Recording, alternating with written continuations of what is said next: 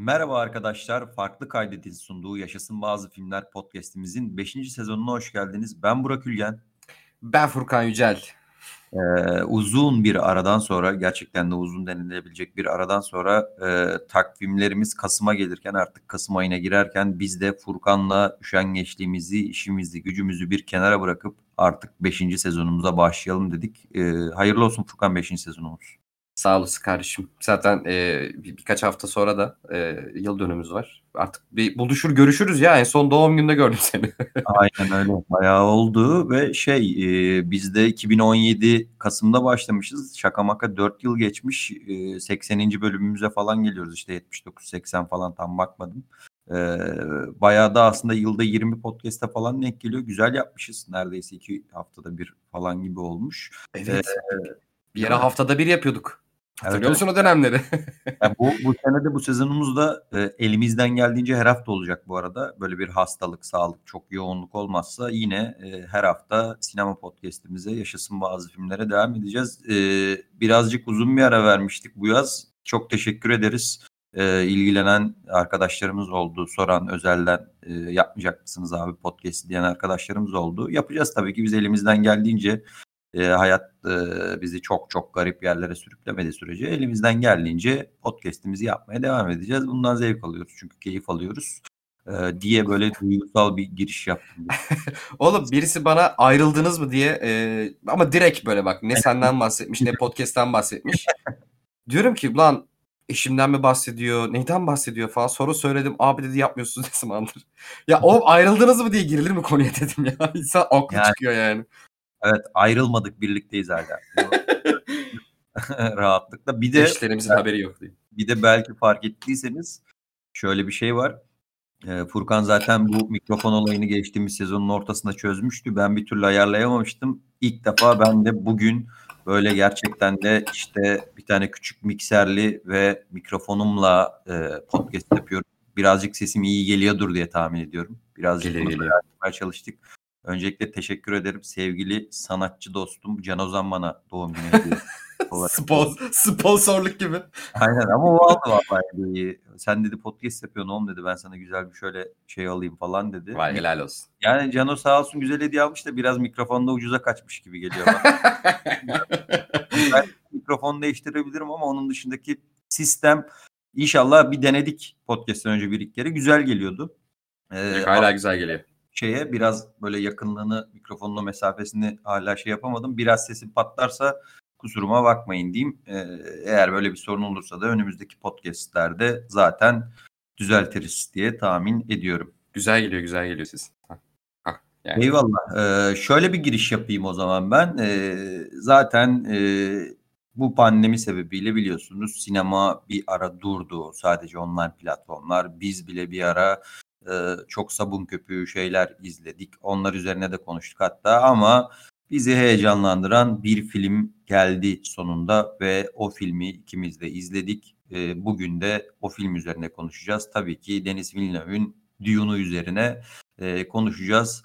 öncelikle ben sözü sana bırakayım. ne bekliyordun? beklediğine ulaşabildin mi diye bir girizgah yap istiyorsan. Öncelikle birkaç gündür Twitter'da Dune üzerine kelime esprilerini duymaktan dolayı ne bekliyor Dune deyince gerçekten bir an kelime şakası yaptığını zannettim. Lan ne bekliyordun diye sordum. hani dümdüz sordum da hani iki gündür o kadar saçma şakalar dönüyor ki bunun üzerine. Evet normal yani. yani e, ben abi çok büyük yani çok bir beklentiyle gittim. Belki bugünkü podcast'te e, olumsuz da çok yani konuşacağım. Senin de çünkü podcast öncesinde konuştuk. E, ne duygu, yani duygularını az çok biliyorum.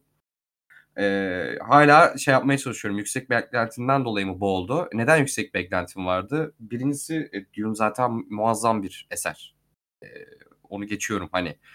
Ama e, bu eseri sinemadaki serüveni gerçekten lanetler üzerine kuruluydu resmen. Hani Yodorovski yapmaya çalıştı, yapamadı. Lynch yapmaya çalıştı, elini yüzüne bulaştırdı diyemeyeceğim. Çünkü e, orada bir yapımcı baskısı söz konusuydu. Adamı hala e, dönüp dolaşıp kariyerinin en kötü, en, en kara lekesi olarak şu an anıyor hala.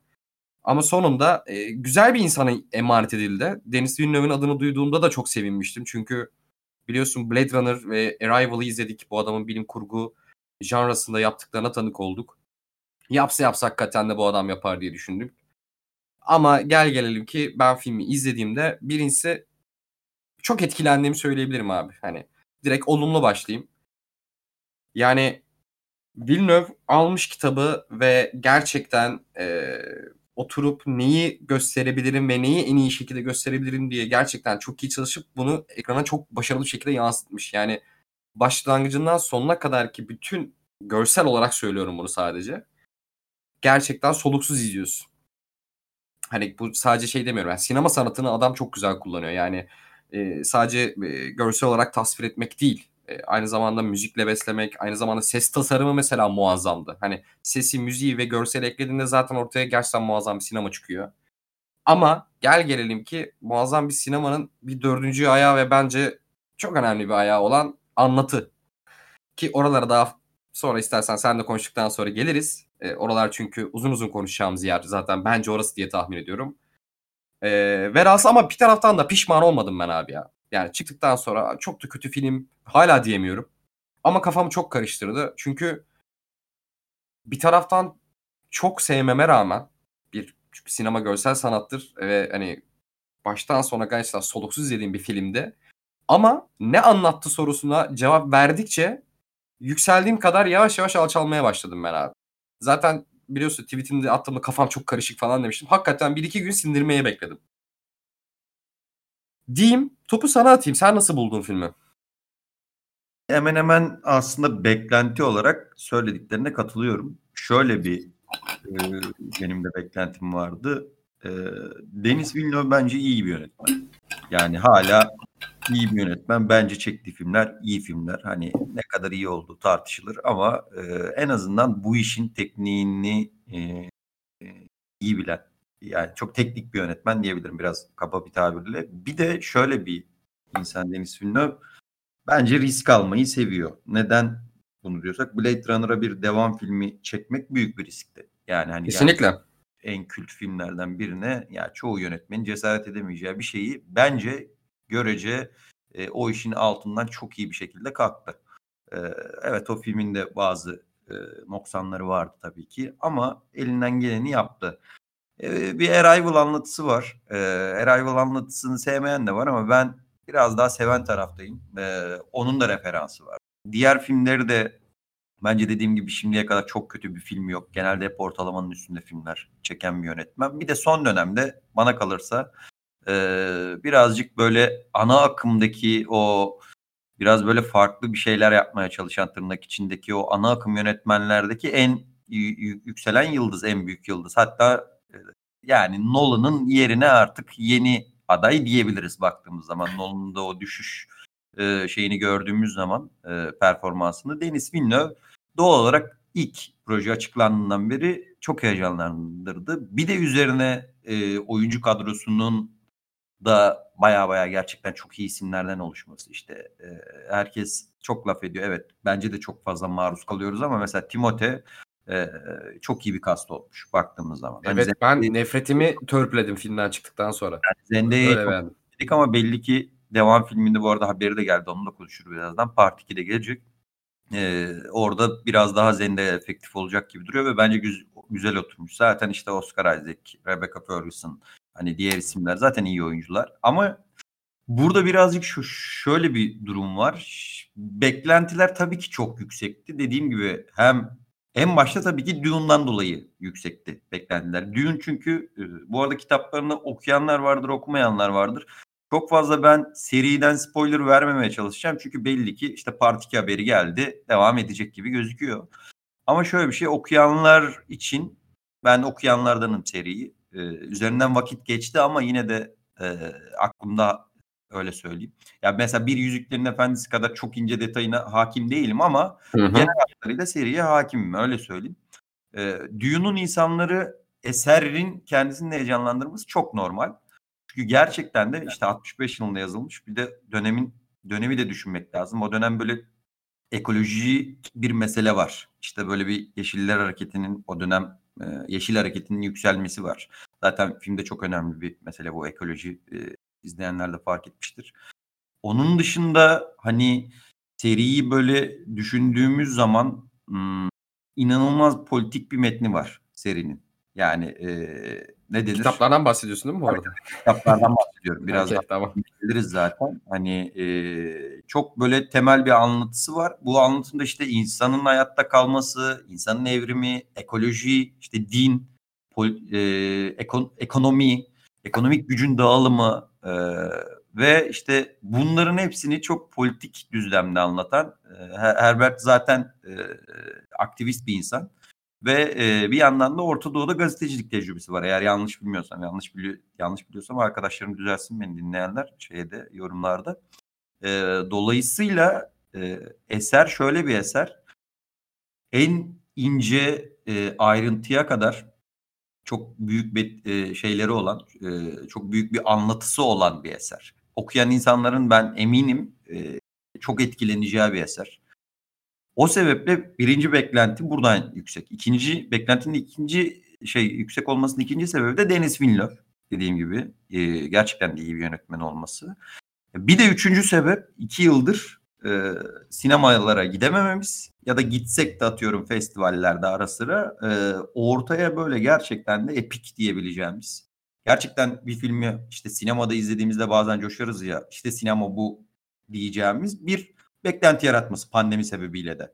Eee, bir de şartlar birazcık oluştu. Mesela Nolan bunu Tenet'le hep konuştuk daha önce de yapmaya çalıştı. Pandeminin göbeğinde kendi kendine şövalyeleri soyundu. Olmadı, işlemedi. Bu sefer artık dünya bu pandemiye daha alışkın.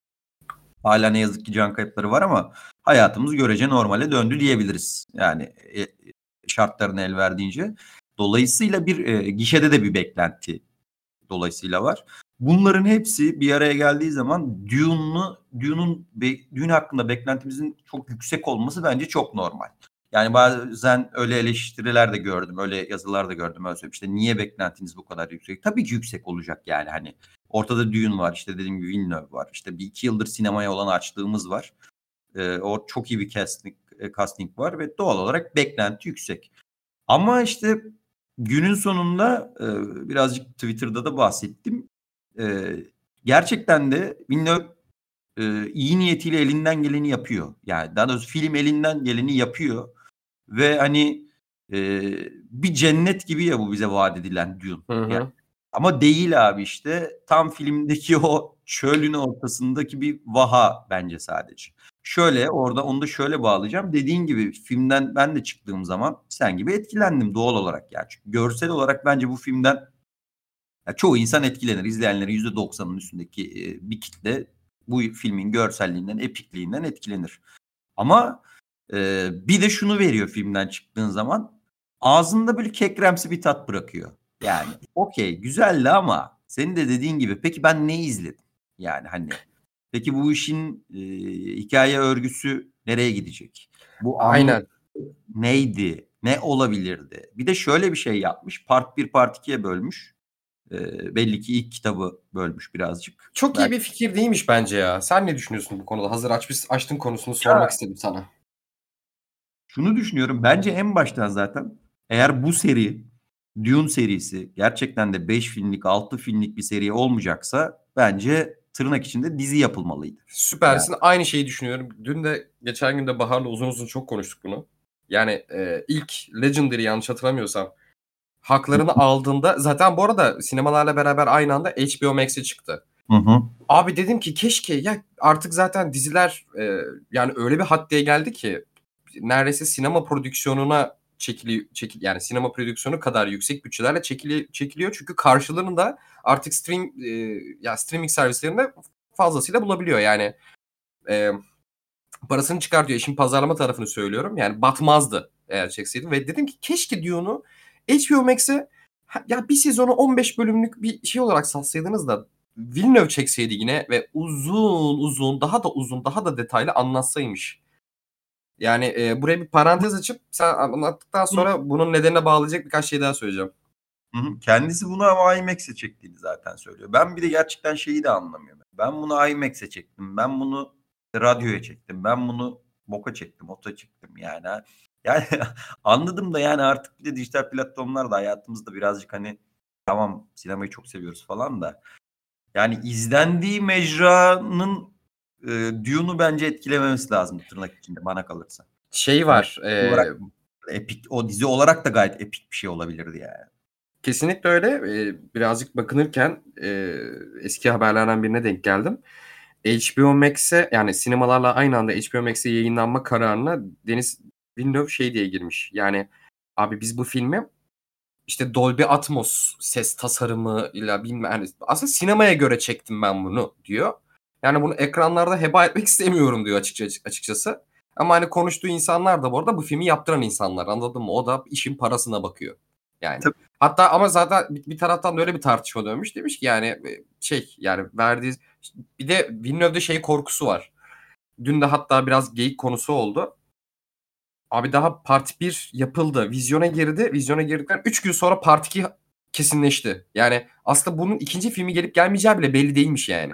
Yani gerçekten de belli değildi. Tamam elbette ki e, stüdyo şeyi gözlemliyor. Yani zaten e, pandemiden çıkmışız bir kriz var. E, direkt böyle projeyi baştan aşağı belirlemeden bakıyor ilk filme göre. Ama bence işte bu birazcık oraya bağlayacaktım ben de. E, ya bu güvenli bir şey değil ki. Yani ki güzel bir şey ortaya çıkmıyor. Biz neden Yüzüklerin Efendisi'ni seviyoruz? Bir kere de e, en başından sonuna kadar proje belliydi. Mesela işte çünkü bence bu tarz filmlerde e, yani mesela Dune'u konuşurken kıyaslama yapmak için demiyorum bunu ama Yüzüklerin Efendisi'nde konuşmamız gerekiyor. Mecburen. Yani çünkü Kesinlikle. işlerin kerteriz noktası o film. Hatta ilk film özelinde Twitter'da da söylemiştim yine. Dune'un ilk filmini e, ister istemez insan e, Yüzük Kardeşi'yle e, kıyaslıyor.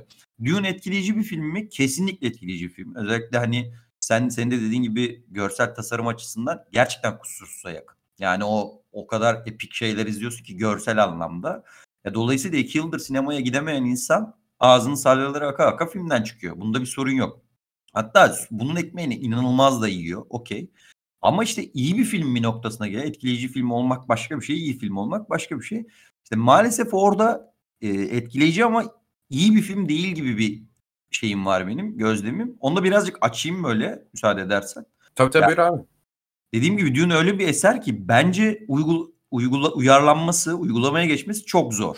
Ya çünkü inanılmaz bir dünya inşa ediyor. Yani bunun dışında biraz önceki saydığım bir sürü o işte ekoloji diyeyim, politika, ekonomi üzerine işte güç üzerine acayip büyük ahkamlar kesiyor. Gerçekten de öyle. Hani bugün böyle bir Dune kitabını açtığın zaman alt hani bazen olur ya böyle sevdiğin sözleri altını çizersin falan diye. Kitap neredeyse altını çizersin gibi bir durum var yani. Böyle sürekli aforizma şeyi var. Bir küçük parantez açayım mı oraya abi? Sadece şey devam sen devam et sonra böldüm kusura bakma. Şey e, yani kitabı okumayıp filmi izleyen arkadaşlar varsa şöyle bir parantez açayım. Hani Yüzüklerin Efendisi'yle kar, karşılıyoruz, karşılıyoruz şey karşılaştırıyoruz ama e, Dune'un kitap olarak şöyle bir anlatısı var. Hani karakterle bir olay örgüsü yani şey kadar aksiyon yok. Yüzüklerin Efendisi kadar aksiyon yok. Aksiyondan kastım karakterler bir yere gider, birileriyle etkileşime geçer, bir yolculuğa gider. Burada da bir yolculuk var. filmi değil mesela yani. Evet. Ama burada daha çok diyaloglar, karakterlerin iç sesleri, karakterlerin birbirlerine olan herhangi bir harekete hareketlerine karşı verdikleri tepkiler. Yani bunları edebiyat dünyası anlatmak, tasvir etmek çok daha kolay. Ama bunları göstermek çok zor. Hatta abi ben şey yaptım. Geçen gün Lynch'in e, Dune'unu bir daha izledim. Mesela o şöyle bir taktik yapmış. Karakterlerin kitaptaki kafa seslerini filmde de yapmış abi. Filmde sürekli karakterler birbirlerine bakıp bir şeyler söylüyorlar içlerinde ve o içlerindeki sesleri biz de duyuyoruz. Çünkü o kitabı yani o, bu tarz yazılmış bir kitabı aktarmak çok zor abi. Hani Lynch de çok zorlanmış belli ki. Evet. Villeneuve de burada çok acayip bir şey yapmaya çalışmış. Ha. Yani özünde aslında uyarlaması çok zor bir kitap yani. Senin girdiğin paranteze tam orayı söylüyordum. Gerçekten uyarlaması çok zor bir iş. Hatta dedim kolay kolay böyle riske girecek bir iş değil ama işte Villeneuve de çok seviyormuş zaten seri. Hatta yani ta ilk okuduğu zaman falan ben bunu çekerim kafalarına girmiş. Yani hani işte egoya bak. yani ee, ama işte tam da e, acayip politik bir anlatısı var. Bir yandan da inanılmaz bir kurduğu bir dünya var. İşte burada zaten sorun yaşanıyor. Şimdi bunu nasıl aşarsın? Bunu dengeyle aşarsın. Yani ne işte şey gibi Lynch'in yarattığı evrendeki gibi full felsefeye abanırsın ne de işte bu filmde Villeneuve'in yaptığı gibi full görsele abanırsın. Yani ikisi de işlemez bence. Burada inanılmaz bir denge kurman lazım. Ya o kadar zor bir denge ki bu. Şeyi de anlıyorum. Gerçekten yönetmeni de anlamaya çalışıyorum. Bu dengeyi kurmak gerçekten çok zor bir şey. Çünkü inanılmaz politik bir anlatısı var. İşte en başta dediğim o filmin vaat edilen cennet olamamasının temel sebebi de burada bence ortaya çıkıyor. Yani bir kere kitaba çok sadık kalmış. Bunda sen de kitap okuyan bir insan Hı-hı. olarak hem fikiriz diye düşünüyorum. Yani o kitabın 300 sayfasını anlatıyor. Yanlış değilsem 300-350 sayfasını. Gerçekten de e, birkaç olay haricinde ama birazdan konuşuruz. O olayları da bence söylemesi e, bir şekilde filme görsel olarak aktarması lazımdı. Onun dışında şey yapmıyor. Yani inanılmaz bir inisiyatif almıyor mesela şey anlamda. Suya sabuna evet. çok dokunmuyor hakikaten. Evet yani diyor ki ben diyor bu kitaba bu esere sadık kalacağım diyor. Mesela bu, bu benim çok hoşuma gitti. En azından e, burada e, eserin gücünden yararlanıyor. Okey bunda bir sorun yok. Ama yani epikliği bence bu denge üzerinden değil çok fazla görsel üzerinden koymaya çalışıyor. Yani yarattığı dünya üzerinden koymaya çalışıyor. Politik bir anla e, nedir anlatıdan ziyade. Çünkü e, daha çünkü henüz ilk kitabı bile bitir, bitirmedik mesela. Bir kere şu inanılmaz bir inisiyatif, inisiyatif almadı de, de, dedim ama şöyle inisiyatif alıyor. Diyor ki ben diyor bu eseri kitaba göre çekeceğim diyor. Bu ne demek? Şöyle bir ön koşulla başlıyor filmi çekmeye. Diyor ki kardeşim bu filme gelen insanlar e, Dune'u biliyor.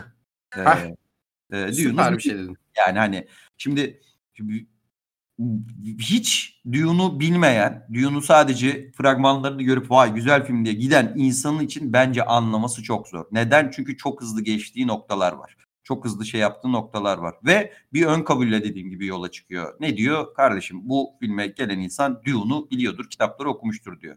Ama işte burada birazcık böyle o Yüzüklerin Efendisi'ndeki işte Yüzük Kardeşliğiyle kıyaslama noktamda benim şurada giriyor. Çünkü Yüzüklerin Efendisi Dune'a göre çok daha bilinen bir eser. Bunda en fikirizdir herhalde baktığımız zaman. Ya çok daha fazla okunan, dünyaya ve işte popüler kültüre Dune'a göre çok daha e, ne denir etkisi olan bir e, seri. Ama burada şöyle bir şey var. Peter Jackson bunu bilmiyor mu? Tabii ki biliyor. O da bu böyle bir ön kabulle Yüzük Kardeşliğini çekebilirdi. Ama Peter Jackson ilk 8 dakikada zaten Yüzüklerin Efendisi podcast'ini de dinleyebilirsiniz. Bayağı biz böyle e, sahne sahne, sahne. konuştuk.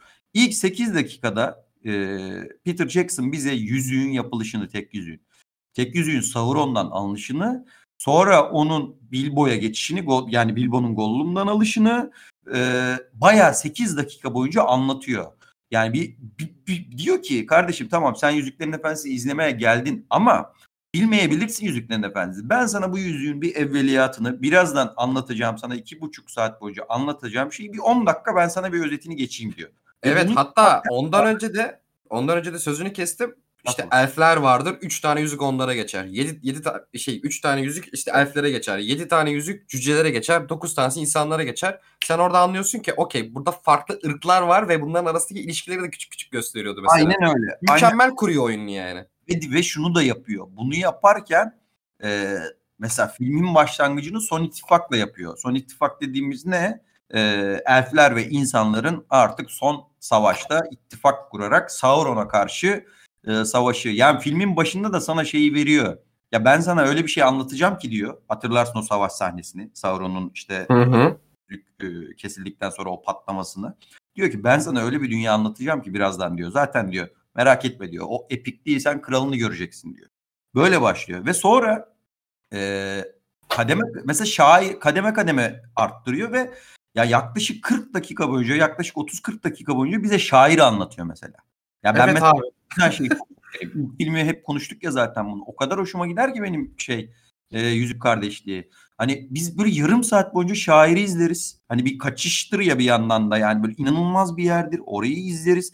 İşte Bray kasabası sonra bir yolculuk başlar, aksiyon başlar. İşte Bray kasabasını görürüz. Isengard'ı görürüz. Gandalf orada rehin düşmüştür Saruman'a. İşte daha sonra Ayrık Vadi'ye gidilir.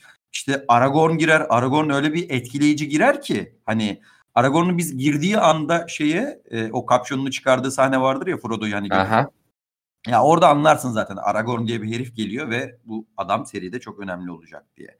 Yani şimdi şeyi de anlıyorum. Yüzüklerin Efendisi serisinde bu dengeyi tutturabilmek Dune'a göre çok daha kolay. Çünkü hani e, Lotur evreninde iyi ile kötünün net bir savaşı var. Sadece işte gri karakter Gollum var. Hep konuştuk ya bunu. Ama hem Dune, öyle Dune'da abi şöyle bir şey var. Ee, inanılmaz yani böyle öyle büyük bir güç savaşı var ki o yüzden Game of Thrones'u daha çok andırıyor Dune mesela. Hani çok büyük işte kararlar var o kararların o arkasında hepsinde neredeyse bir rasyonel bir sebep var. Herkesin kendi çıkarını e, ön plana çıkardığı, herkesin çok daha gri olduğu hem karakterlerin hem de olay akışının yani o o karakter o kararı alırken niye aldığına dair çok acayip betimlemeler var.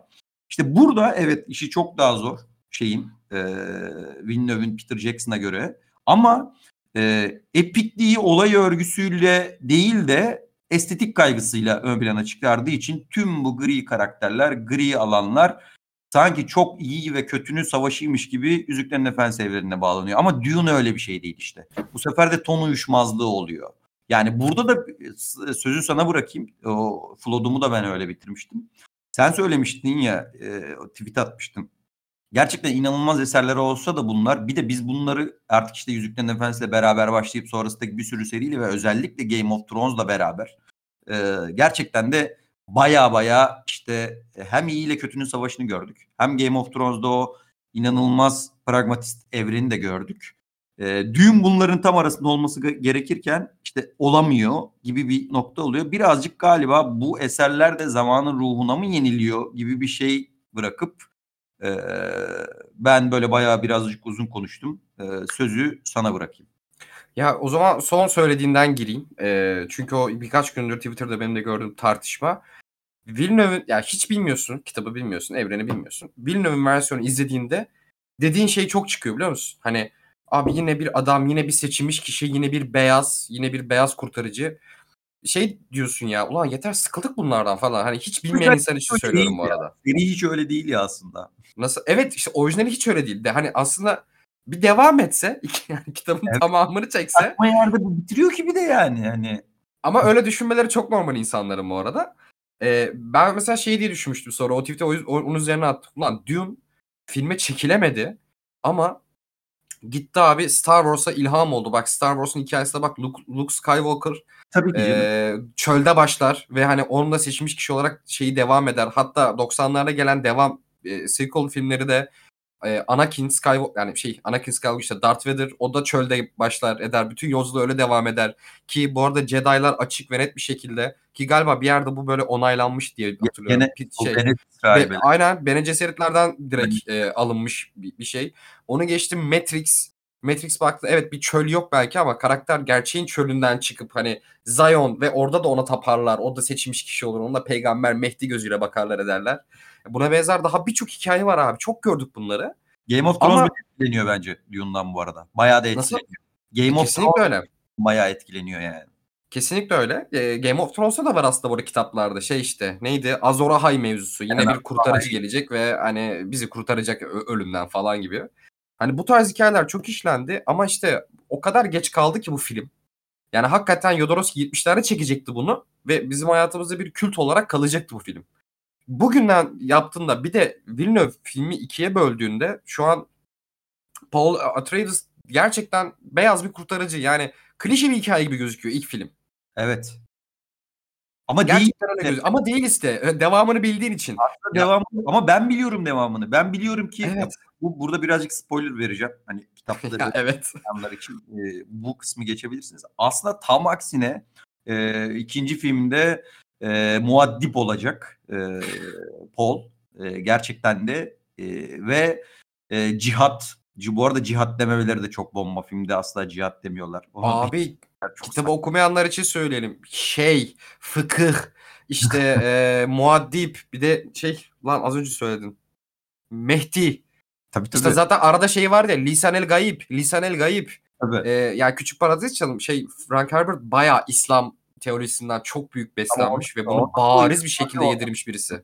Zaten yani baharat dediğimiz petrol aslında baktığın zaman. Yani o çok net kör göze parmak bir şey Yok ama şey diye şey diye söylüyor. Politik olarak evet Orta Doğu'dan zaten çok almış etmiş de inanç sistemi olarak direkt İslam yani direkt İslam'ı alıp böyle e, ya karakterin Mehdiliği İsa Mehdiliği değil yani anladın mı? Hani yani ya, ya işte ismi ama, de muaddip yani düşününce. Ama şöyle bundan sonra tam onu söylüyordum. Bundan sonra işte Paul, Timothy Chalamet'in karakteri e, gerçekten de işte intikamını alacak zaten okey falan. Ve daha sonra cihat yapacak. İşte bilmem kaç gezegende bilmem kaç milyar insan falan öyle. Evet öyle. abi intergalaktik cihat ya.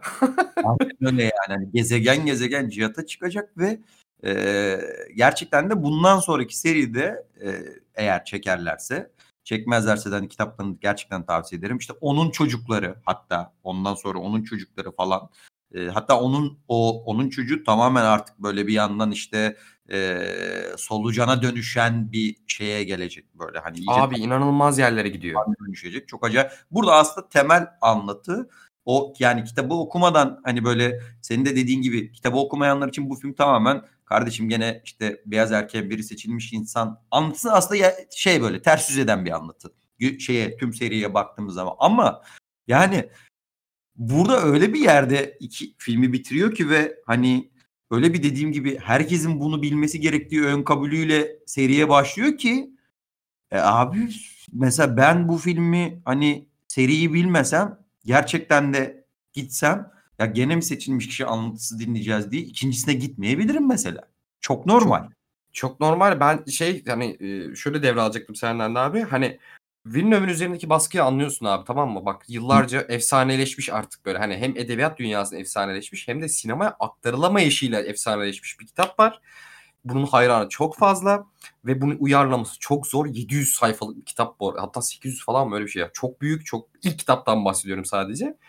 Abi aga bunu açıp bunu nasıl nasıl çevireceğim ben diyorsun. Bir de az önce anlattığım gibi kitabın öyle bir anlatısı vardır ki zordur uyarlaması hakikaten. Yani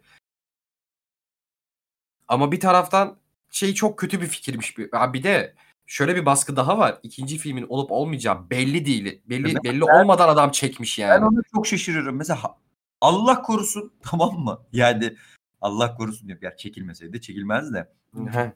oldu oldu. Gişede inanılmaz battı film. İnanılmaz battı ama. Dedi ki stüdyoda kardeşim ben bunun devamını çekmiyorum. Ya böyle mi kalacaktı mesela Dune serisi? Hani Abi çok saçma. Çok saçma bir yerde bitmeyecek miydi? Ama şey de çok korkmuş belli ki yapımcı da hani e, filme şeyi yaklaşmış. Abi bunu eli eli yani eline atan yanmış abi bu kitapla anladın mı diye düşünerek hani biz bir part bir yapalım. Yani e, bakalım tutarsa devamı gelir falan demiş yani belli ki. Zaten ikinci filmin yapılacağı haberi box office'te şeyi kâra geçtiği zaman an film direkt ikinci filmi yapıyoruz deyip yeşil ışık vermişler zaten. Tamam şey Abi, çıkardık falan diye değil mi? Abi bir de farkındaysan filmin pazarlama süreci de birazcık benim canımı sıktı. Şundan dolayı hani şey değil laf etmeyeceğim tabii hani niye böyle yaptınız falan diye de. Abi yıldız oyuncuları doldurmuş böyle tamam hani sinemaya çekmek için bütün kurşunları yağdırmışlar abi. Gittiler Fortnite'da anladın mı? Fortnite'da şey yapıyorlar reklam verdiler. Versinler. Bu arada Fortnite'da bir reklam vermesine karşı değilim. Ama şey diyorum. Abi Dune öyle bir eser ki Fortnite oynayan genç arkadaşlar gerçekten bu filmin gerçekten hedef kitlesi mi? Hani Star Wars bekleyip Dune'la karşılaşan insanların kötü tepkilerini görmek istemem ben. Filme de gösterilmesini açıkçası istemem. Çünkü öyle bir film değil. İkincisi hazır bunu söylemişken e, şey tabii bu film onlara göre değil demek istemiyorum. Heh, buradan şeye bağlayayım. Bence şey çok kötü bir fikir abi. Ben bunu yapan çok yönetmen görüyorum. Gördüm ettim. E, ben birazcık açıkçası o konuda birazcık karşıyım. Bu filmi herkese yapmadı. Bu filmi bir tek bunlara yaptım. Abi sen bu filmi public olarak ya sen o adamdan da bilmeyen adamdan da parasını alıyorsun. O yüzden şey fikri yani sinemaya gelip koltuğa oturan herkesin otomatik olarak Dune evrenine tamamen hakim olduğunu düşünerek filmi başlatmak bence çok iyi bir fikir değil. Değil abi gerçekten. Kesinlikle değil. İnanılmaz yanlış bir fikir ya. O kadar yani, yanlış yani. Yani evet abi. abi bu arada bunu bunu da aslında öyle de bir film tem, yani öyle bir temel atmış ki ortaya. Aslında bunu da es geçebilirmiş. Yani bir şeylere daha fazla önem vererek. Çünkü şeyi düşünüyorum. Filmi baştan sona tekrar düşünüyorum. Diyorum ki lan politik gerilim yok. Atreides'larla Harkonnenler arasındaki gerilim o kadar fazla bir iki cümleyle anlatılıyor ki. Mesela biz Yüzükler Efendisi'nin başından bahsettik az önce anladın mı? 15 dakika evreni kuruyor sana ve çok güzel kuruyor diye. Filmin sonra başlangıcını düşündüm. Bana çok saçma geldi. Yani Fremenlerle Harkonnenler arasındaki atışmayı göstermesi okey bu arada. Bu yanlış bir şey değil. Yani kitapta zaten var olan hani Fremenleri zaten e, var olan düşüncelerini aktarıyor orada. Ama abi bunu anlatacağına sen imparatorluk ne? Harkonnenler ne yapıyor? Atreides'ler yani İmparator Atreides'lerden neden tırsıyor? Neden Evet. ona Arrakis görevini verdi? Onu geçtim Atreides hane, hanedanındaki bu haberi aldıktan sonraki dönen mevzular Doktor Yu'ye mesela intikam abi Doktor Yu olayı çok sinir olmuştum. abi çok- Yu'ye Çok çok bir araya girebilir miyim? Çok çok. tabii tabii buyur buyur. Çünkü çok güzel bir noktaya değindin. Onun örneğini vereceğim. Şimdi şöyle diyor sadece değil mi? Atreides hanedanı e, o arada böyle onları da zaten fark etmişsinizdir. E, zaten eski e, Yunanlara falan dayanır soyları, şeyleri onların. Böyle birazcık Anglo-Sakson esintileri var onlarda. İşte Harkonnenler biraz daha böyle Nazi iktidarı belli hani şeyleri. Şimdi orada Atreides hanedanını e, e, şeye e, çöle göndermesinin sebebi imparatorun onların önünü kesmek. Hani böyle şey gibi. Orada e, sadece cümlelerle diyor ki işte Oscar Isaac'in karakteri e, biz burada var olma şeyine gidiyoruz falan da tamam da niye gidiyorsunuz? Hani bunun neymiş imparator çok kıskanç bir insan. Ya bunun bir sürü başka altta şeyi var. Şöyle bir örnek vereyim sana. Biz Game of Thrones'un birinci sezonunda daha ilk bölümde ya da ikinci bölümde e, Ned Stark kralın eli olarak e, şeye çağrıldığında e, King's Landing'e çağrıldığında oradaki gerilimi inanılmaz iyi alabiliyoruz. Bak bir sahneyle bir mektup geliyor. O mektupta işte e, şeyi fark ediyor. E, kralın şeyin öldüğünün, e, kralın elinin öldüğünün, onun çağılacağını biliyor. Arkada karısı var ve işte üstad var. Oradaki şey gerilimini bize çok iyi veriyor. Ya biz gideceğiz ama bu King's Landing'e biz acaba şeyimize mi gidiyoruz? Ne denir? Ecelimize mi gidiyoruz? Gerilimini çok iyi veriyor ya. Abi Dune'da da böyle bir şey var aslında ama bu bana geçmiyor. Ya Çünkü geç- karakter vardır ama bana asla geçmedi. Anlatabildim mi iki şeyi? Anladım anladım. Yani Game of Thrones'u çünkü karakterler arası etkileşim orada o kadar güzel veriyor ki sen bak çok güzel örnek verdin. İşte şey var. Kral var. Kral Ned Stark şey Stark ailesini çağırıyor. Ned Stark'ı çağırıyor el olarak. Ama sen orada arada Lannister'ları görüyorsun. Aslında Lannister'ları krala ait krala sahip olduğunu görüyorsun. Yani parmağında oynattığını görüyorsun. Öyle ki kendi çocukları zannettiği insan aslında ensest doğmuş yani yine Lannister'ların çocuğu. Yani bu bir parmak şıklatmasına bakar bunların şey yapmasını. Ned Stark bunu görüyor ve an- anladın mı bak karakterler arası karakterlerle ilgili bilgiler verildikçe gerilim ne kadar artıyordu orta. Yani Stark'lar sonra King's Landing'e gittiği zaman yaptıkları her hareket ne kadar geriyordu insanları. Burada abi her şey çok hızlı. Abi Evet. tamam gidildi şeye Arakis'e. Arakis'te mi? Yanlış telaffuz etmedim. Arakis Arakis. Arakis'e gittiler. Okey gidildi abi. Haydi toplayın sandıkları gittik. Tamam. Bir kere zaten birazdan onu da söyleriz. Fremenleri bu kadar az göstermesi ve Fremenlere dair bu kadar çok az şey anlatması bence e, ya epic fail. Yani çünkü bu serinin temeli Fremenlere dayanıyor. Bundan işte sonra. şey orada şöyle araya gireyim abi ben de. Ee, ben sonra birazcık eleştirimi yumuşatmak adına şey düşündüm. Tamam şey demiş abi. Oğlum ben bunu nasıl anlatacağım? Ben bunu nasıl Kendimi Villeneuve'in yerine çok koyarak düşünmeye çalıştım çünkü. Abi çünkü film güzel ve yani eksiklikler var. Ya her şeyi ikinci filme bırakmış tamam mı? Yani her şeyi ikinci filme bıraktıktan sonra ilk film kocaman bir ikinci film trailerına dönüşüyor. Fragmana dönüşüyor anladın mı? Aynen öyle. Abi suyla ilgili bir şey anlatmıyor. Suyla ilgili bir iki cümle söylüyor. Geçiyor. Fremenleri bir iki gösteriyor. Zendaya'yı gösteriyor arada bir. Zendaya gösteriş kısmına bir ara değineceğim. Çok sinirlendim ve çok Royal- güldüm oralara. Max Royal. Abi gerçekten Şey- sinemada güldüm ya. Bodrum'daki 5 yıldızlı otel reklamı gerçekten ya. Yani bu arada Lynch'in versiyonunda Paul Atreides'in gördüğü rüyalar daha gizemli. Ulan zaten gizemli bir hikaye izliyorum ben anladın mı? O kitapta da böyle gizemli bir şeyler oluyor. Okuyorsun. Bene cesaretler var. İşte Baron, Ar Baron Harkonnen'in hareketleri zaten sinirlerini bozuyor. Çok böyle gizemli olaylar olurken birden orada böyle saçları savrularak gelen böyle bir Zendaya var. Ekrana gülerek bakan falan böyle. Ne oluyor Evet. lan? Otel reklamı. Yani abi biraz daha hani şey değil. Bu arada geçen biriyle yazdığımda birisi şey demişti. Abi o sahneler aslında önemli. Dedim ki abi önemli zaten. Elbette ki önemli de. Ama böyle çekilmez. Çok saçma yani. Tabii ki önemli. Sonuçta ya Paul da bu arada birazcık dünyanın da temelini bilmek lazım. Paul da şey bir karakter değil böyle. Yani Doğu Paul bayağı böyle bilimin bu hale getirdiği bir karakter. Annesinin etkisiyle. Çünkü o rahibeler eee yüzyıllardır hem bilimi hem de baharatın etkisiyle böyle ırksal bir seçilim yaparak eee, o seçilmiş kişiyi zaten şey yapmaya çalışıyor. Eee, bulmaya çalışıyor. Hani Paul'un özellikleri sihirden falan gelmiyor. Yani hani o, o, bunu bir baştan e, belirtmemiz lazım. Bir de şöyle bir şey var. Burada baharat birazcık yanlış anlaşılmış benim gördüğüm kadarıyla. Seriyi çok bilmeyenler adına. Baharat uzay yolculuğunda şeyde yaramıyor. Yani böyle baharat böyle ve petrol gibi uzay gemisinde konulmuyor. Kaptanlar o baharatı e, şey yaparak ya bir uyuşturucu şeyi var orada. E, özelliği var baharatın. Kafa açıyor yani öyle söyleyeyim. O baharatla ufku açılınca e, o yolculuğu yapabiliyor gibi bir şey var. Bir durum var. Birazcık el, şey, asit gibi aslında. Evet, Zaten biraz. Fremenlerin gözlerinin mavi olmasının sebebi de. Aynen. Şimdi şey dikkatimi çekti abi. Birincisi şey diyeceğim. Hani filmin hakkını vereceğimiz yerlere de girelim. Ben mesela Bene Gesserit sahnelerine bayıldım ya. Bu kadar mükemmel bir tasarımı geçtim. Hani o gerilim okurken nasıl bir gerilim hissediyorsan onu inanılmaz iyi vermiş. Oralara gerçekten bayıldım. Ben de şöyle evet ben de Bene Gesserit'lerin tasarımına çok bayıldım. Ama Bene Gesserit'lerin o sinsiliğini kendileri adına o uzun uzun kurduğu planları bence daha iyi aktarabilirdi gibi geliyor bana. Çok hızlı işte çok hızlı her çok, şey. Çok doğru söylüyorsun abi. Ben de çıktıktan sonra birinin yorumunu gördüm ve dedim ki o kadar haklısın ki siktir dedim ya. Oha bunu düşünmemiştim diye. Abi şey diye sormuş. E, Leto yani baba e, Duke Atreides e, şeye Jessica'ya seninle evlenmeliydim. Niye dedi ki onlar zaten evli değil mi diye bir şey söylemiş böyle. Değil. Cari. Oha bunu o kadar vermiyor ki ama film. Evet. Bu mevzuyu, bu ilişkiyi. Hani yani. Cesaretler kim? Hani o Jessica neden Atreides hanesinde? Neden hani Paul?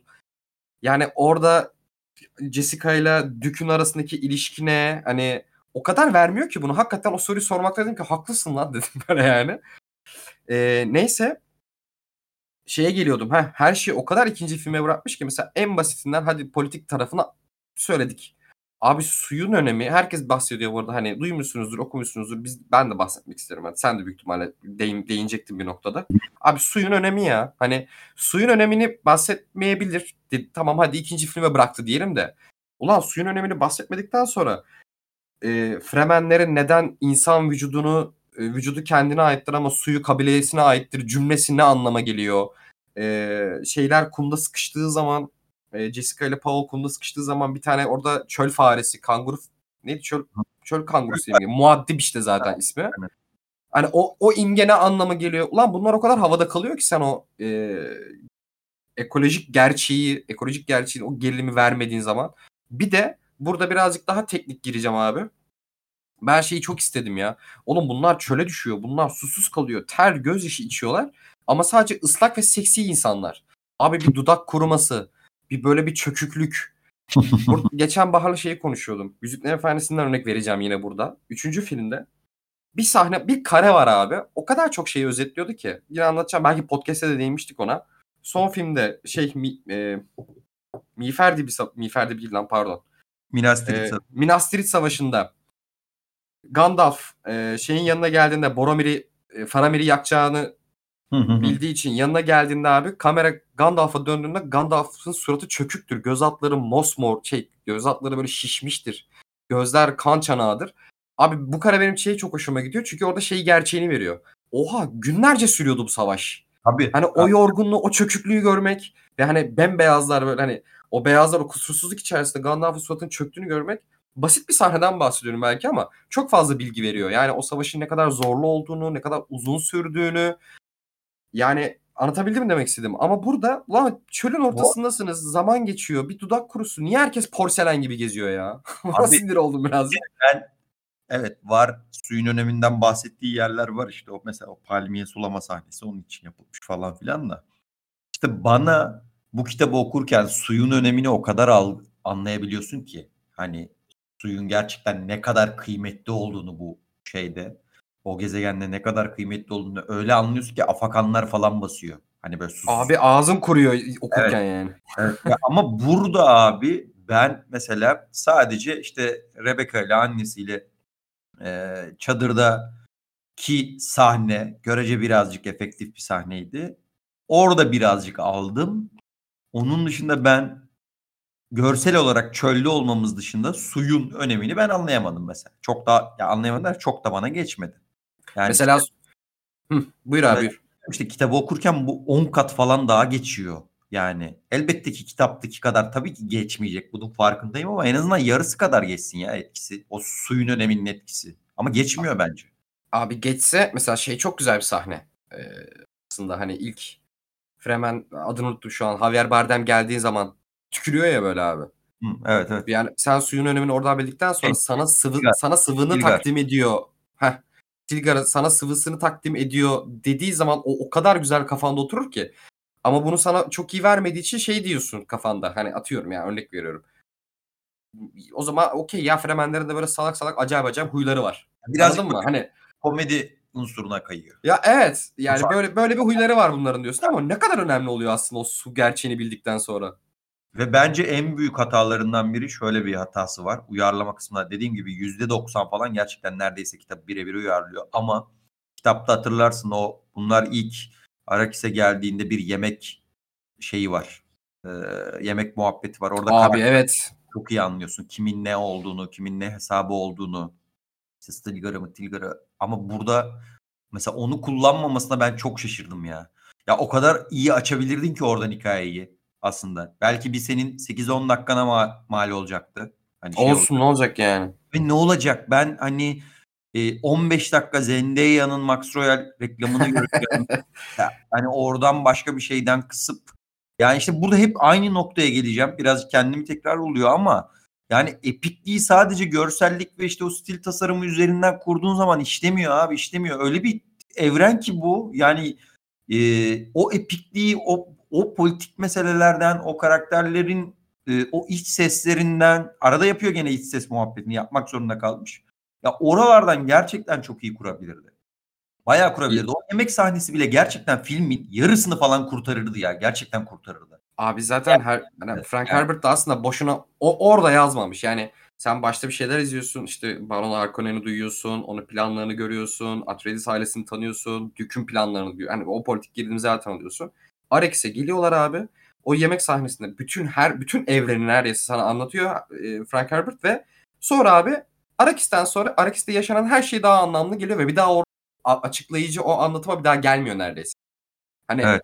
Anlatabildim mi? Hani ben burada anlatacağımı anlattım. Tamam abi Arrakis'e geldik. Hadi abi olay başlıyor deyip zaten Frank Herbert başlatıyor böyle hikayeyi.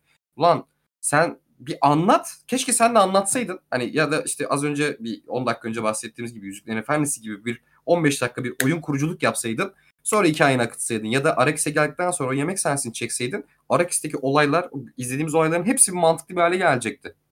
Daha mantıklı bir hale, daha etkili bir hale gelecekti yani.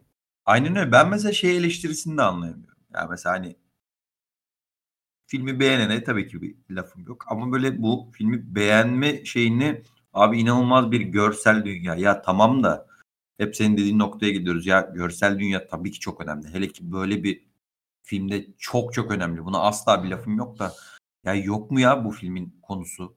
Yani gerçekten ben filmin eee konusunu böyle dediğim gibi hiç eseri okumayan bir insan olarak girsem okey der çıkarım ya. Vallahi okey der çıkarım. Ya bu be- be- beni birazcık çok tilt ediyor yani hani sadece görsel üzerinden bir şey abi bence eleştirilmemeliyiz. Yani bana kalırsa. Yani öyle bir evren ki çünkü bu. Bazı bazı filmler olur bir evren falan değildir. Hani kendisi zaten bir senaryodur. Okey dersin ki e, bu herif burada belli ki görsele, epikliğe abanacak. Tamam okey. Ama bu öyle bir şey değil ki. Bunda çünkü inanılmaz bir anlatı var altında. Yani hani bilmiyorum ya. Yani hani Abi e, işte bir çok- de evet arada şöyle şeyler oluyor oğlum. Bir de öyle kavramlar atıyor ki ortaya.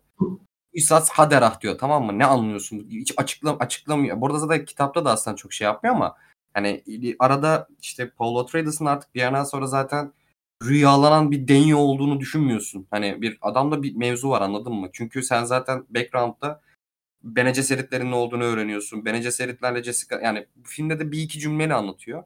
Onu geçiyorum şey Hulut diyorlar mesela tamam mı? Kitabı bilenler anlayabiliyor onun ne olduğunu. Ya da Lisan el Gayip dedikten sonra açıklama yapıyor. Ne demek? İşte dışarıdan gelen ses demek. Okey. Ee hani anladın mı demek istediğimi? Çok açık kalıyor.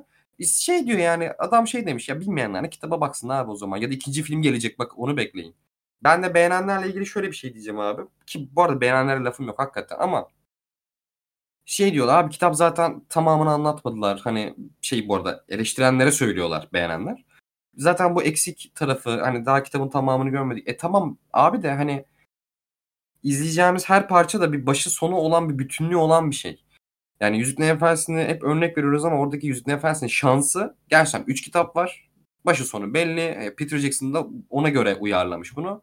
O yüzden diyorum podcast'ın başında da söylediğim gibi kitabı ikiye bölmek çok da iyi bir karar değilmiş bence bu arada. Yani yine onu söylüyorum. Öyle. Abi sürekli bitmedi bitmedi devamı gelecek devamı gelecek. Ulan devamı gelecek iki buçuk saatlik filmin bir saat boyunca verdiği detayların hepsi ikinci filme foreshadow. Ulan bir foreshadow'un devamını görmek için iki yıl bekleyeceğiz şu an. Hani anlatabildim mi? Şey değil 2023 yani hani e, Evet. Az bir zamanda değil yani. 3 ve senin dediğin gibi ya gelmeseydi ikinci film ya gişede çakılsaydı abi. Ne olacaktı o zaman? Bütün böyle kalacaktı anladın mı? Bu, bu film kalacaktı ve bir millet şey diyecekti ya ne acayip acayip şeyler konuşuyorlar. Ne şey Hulut ne ya falan diye. Anlatabildim mi demek istediğimi? Ya, öyle Çok büyük risk ya. Kumar oynamış bu arada yani. Villeneuve helal olsun bu konuda hakkını vermek istiyorum. Çok büyük kumar oynamış. Bence şu an kendi de rahatlamıştır yani gişede iyi bir e, karşılık bulduğu için, ikinci film onayını aldığı için. Bugün hatta şey açıklamaları vardı biz podcast yaparken bir yarım saat önce gördüm. Ee, devam kitabı olan Dune Mesih'ini de çekmek istiyorum falan diye. Ne? Duymadım dediğini. Herhalde gittiğini söyledi. ya da internetten koptu. Ee, işte heh, onu diyordu. Podcast şey yapmadan önce, podcast'e girmeden önce e, Villeneuve'ün üçüncü kitabı da çekmek istediğini e, haberi çıktı. Orada da herhalde yapımcıları bir küçük göz kırptı. Geldim. E, ve hı, geldin mi? Hı hı. Duydun mu gitmeden önce söyledi mi? Duydum duydum. Heh. Dune Mesih'i e, kitabını çekmek istediğini söyledi. Ya velhasıl abi adam büyük bir kumar oynadı. Kazandı helal olsun ama Evet evet kumarını kazandı. Yani ha bu arada şey de güzel. Bak e, ona da bir küçük değinmek isterim. E, Frank Herbert evet 65'te yazdı bunu. Evet çok öngörülü, çok kafası açık bir adamdı ama e, dönemi gereği bazı şeyler çok eski kalacak.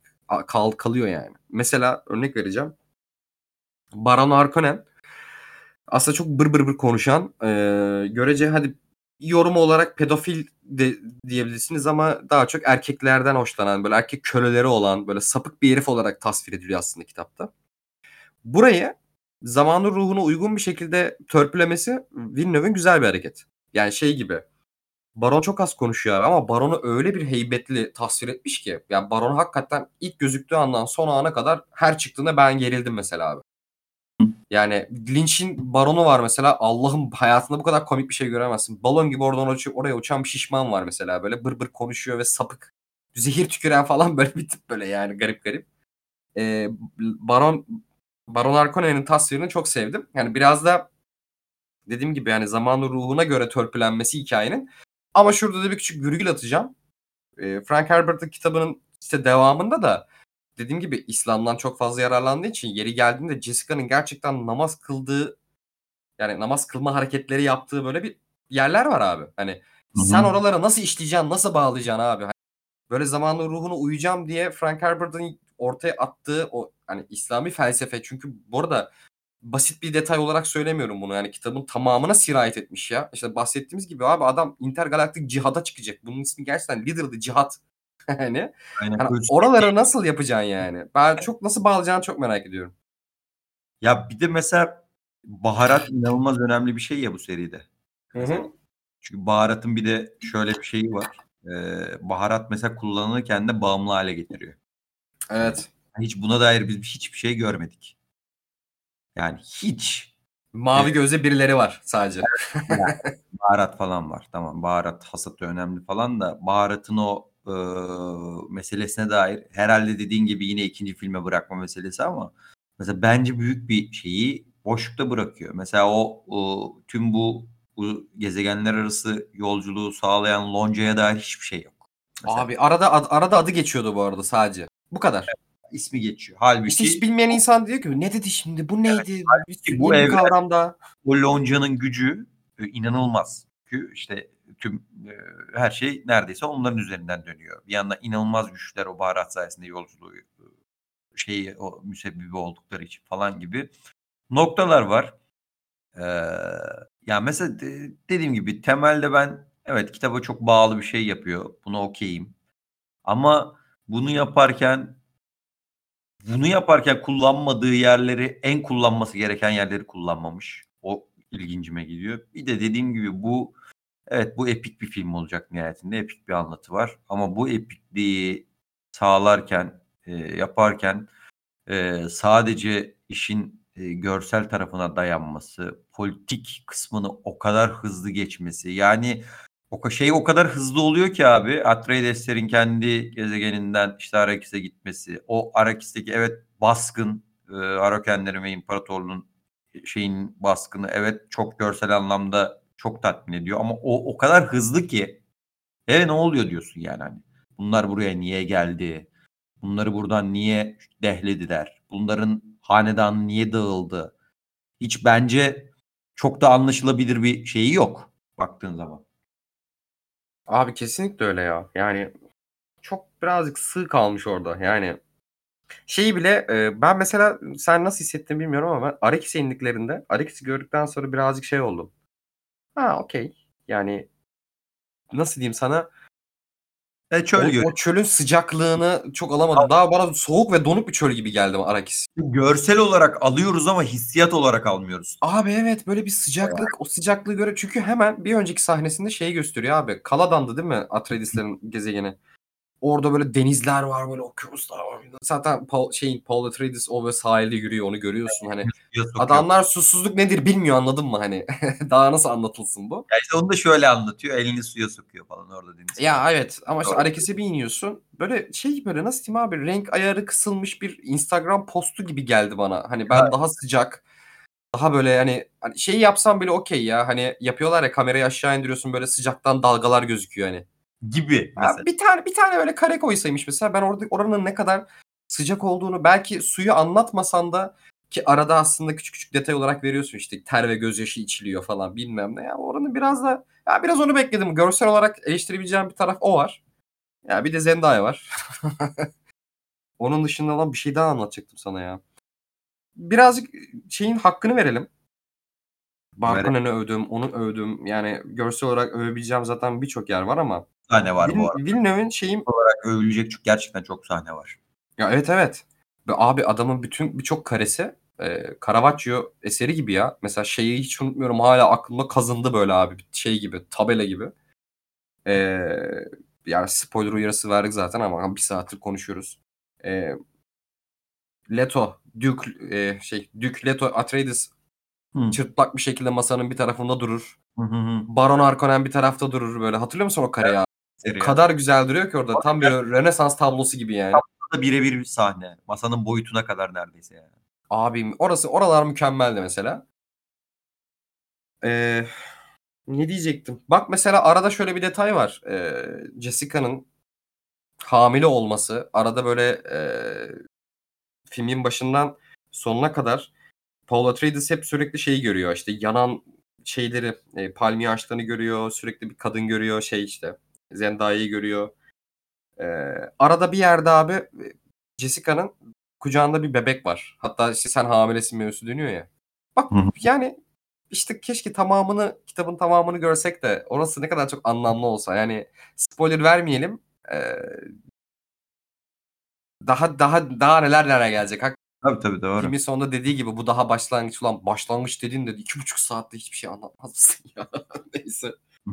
ben bir de abi takıldığım yine noktalardan biri o konuda seninle ayrışıyoruz biraz galiba. Artık Hans Zimmer beni çok sıkıyor abi ya. Vallahi hmm. Yani. Ben sadece şeye çok kızdım abi. Yani sen ben küçük hemen araya girip sen sonra nefretini kus. ben müzikleri beğendim.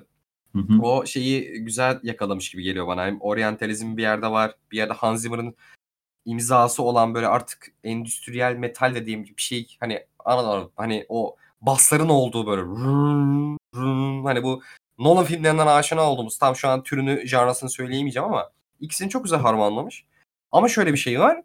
Film işte boyunca müzik hiç susmuyor ya. Yani hiç susmuyor. Yani bu Villeneuve'in tercihi bence. Ve abi filmin sadece hatırladığım aklımda kalan sadece 3 yerinde müzik yok. Hatta hiç ses yok. Ve Villeneuve artık kendi de farkında her sahneye müzik koyduğunu sessizlik üzerinden duygu yakalamaya çalışmış. Abi ben film çıktıktan sonra fark etmedim. Müzikleri sevdiğim için gerçekten çok batmadı. Sonra insanların yorumlarını gördükten sonra fark ettim. Hakikaten lan film şey film boyunca müzik hiç susmadı.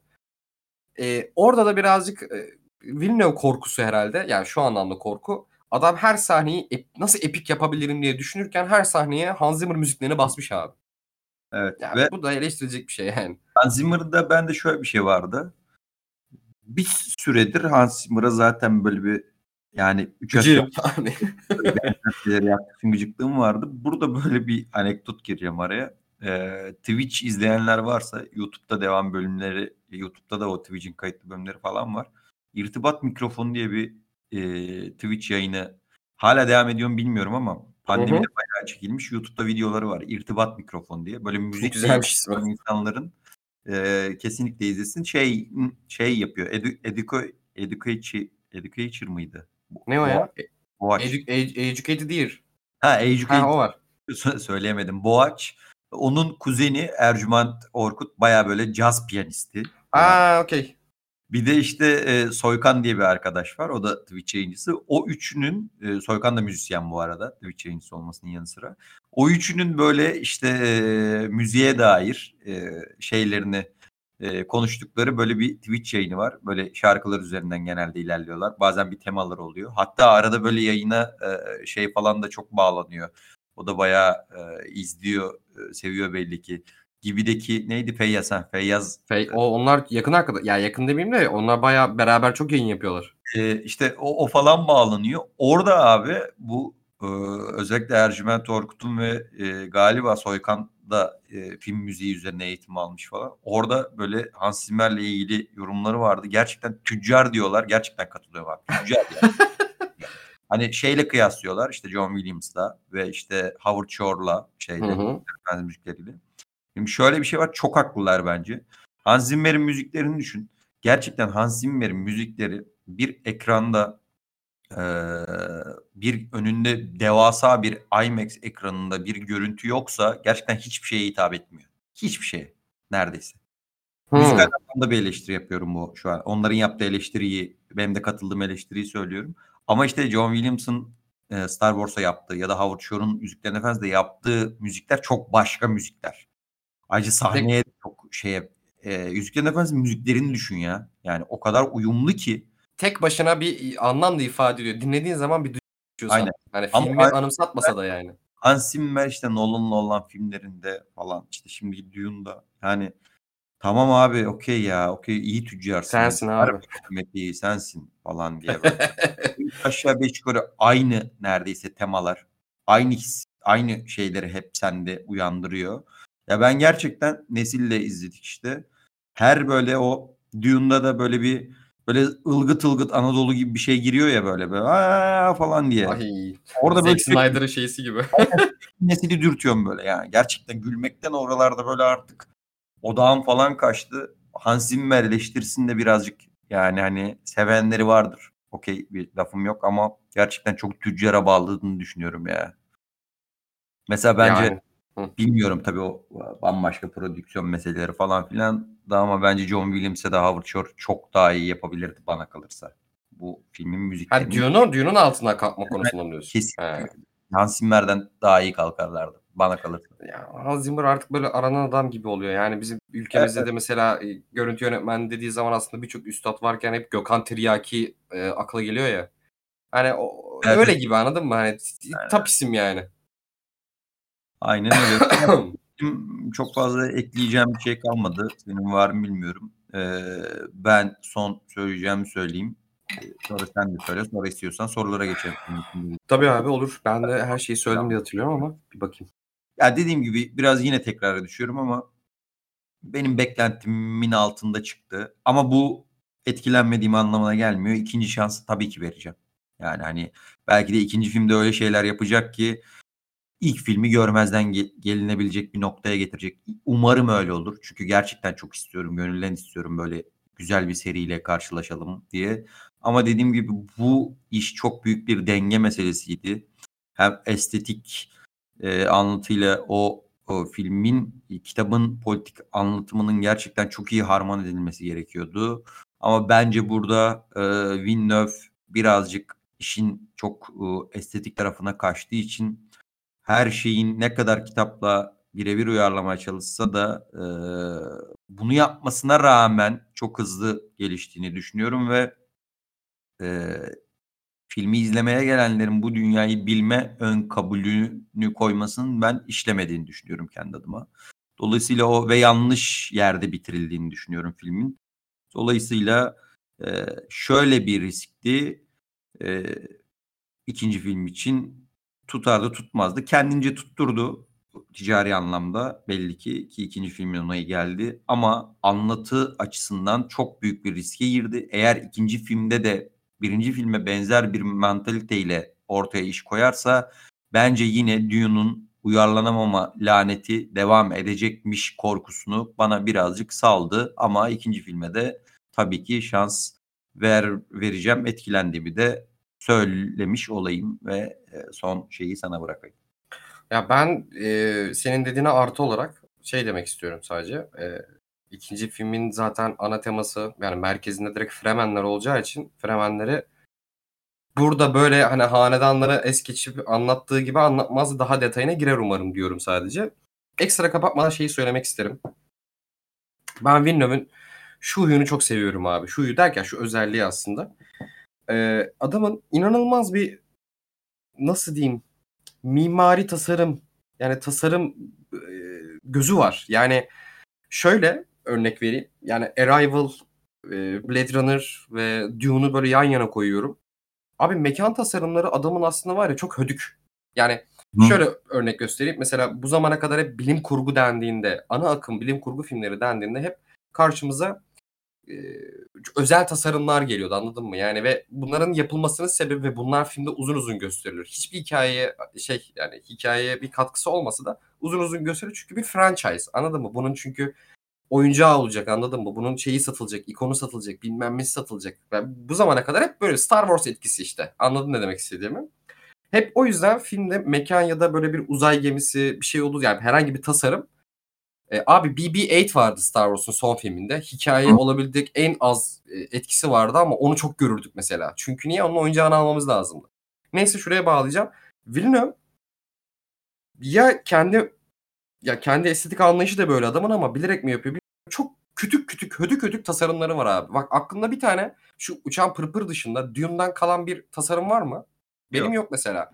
Güzel Daha çünkü önemli olan bu değil anladın mı? Şey hani, olarak ya, önemli olan bu değil. Bir de mekan konusunda bu hadi şey, eee, objeler üzerine söyleyeyim hadi. Mekan konusunda şeyi çok hayranım ya, hani, abi dev dev, dev dev böyle, hani, uçsuz bucaksız duvarların olduğu yerde insanı çok küçük gö gösteriyor ya ve aslında bir anlamda görsel olarak olarak geliri yani gerilimini böyle kuruyor ya. Abi saat geçince dilim dönmemeye başladı.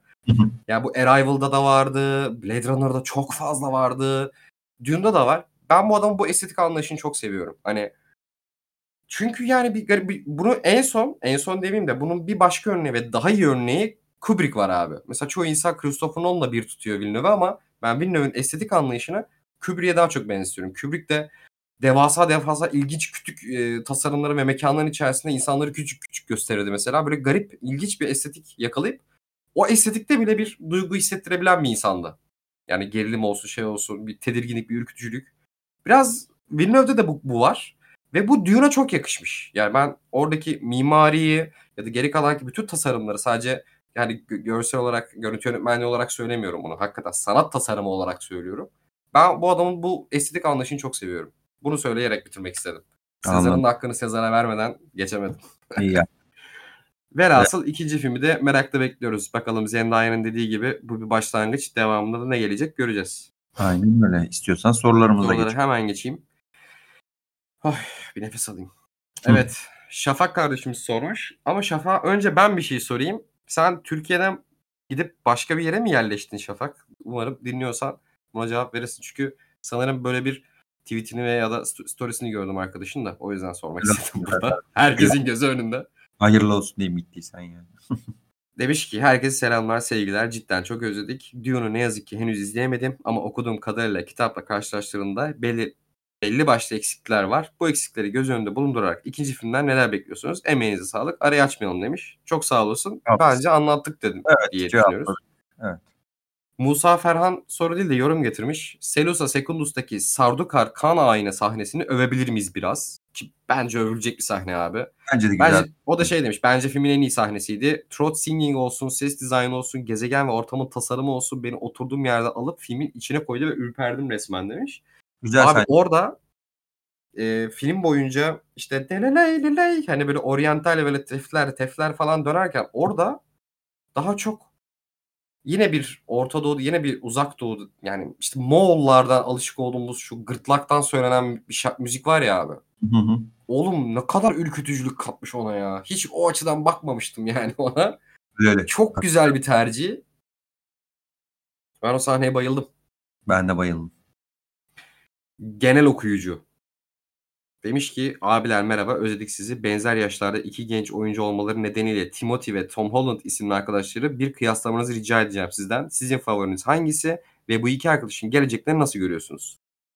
Ce- cevap vermek ister misin? Var ikisi de e, gerçekten de çok popüler oldu son dönemlerde. Biraz farklı şekilde popüler oldular. Tom Holland biraz daha Marvel üzerinden popüler oldu. Timothée biraz daha tırnak içinde hani daha bağımsız diyebileceğimiz noktadan popüler oldu. Sonra çok, o da çok tabii ki şey oldu da her ne kadar artık doğal olarak herkesi baydığı gibi beni de biraz baymaya başlasa da bence Timothée şu ana kadarki daha önceki filmleriyle bir tık daha iyi oyuncu Tom Holland'dan. Şimdilik sonrasında ne olur bilmiyorum ama Timothy'nin bence e, yani birazcık günümüz çağında çok hafif kendini geri çekmesi gerekiyor artık bence. Yani Timothy'nin.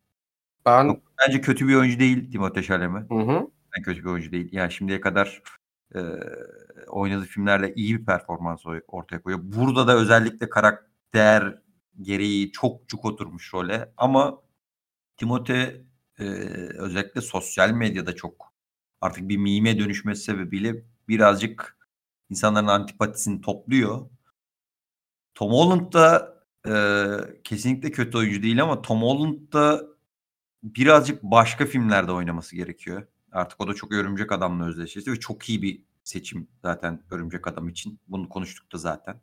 Gerçekten çok iyi veriyor o hissiyatı ama birisinin birazcık daha geri çekilip ötekinin de farklı kulvarlarda biraz daha ön plana çıkması gerekiyor gibi geliyor bana ama belli ki bu şeylerini bozmazlarsa önümüzdeki 10-15 yıla ikisi de damga vuracak gibi zaten duruyor.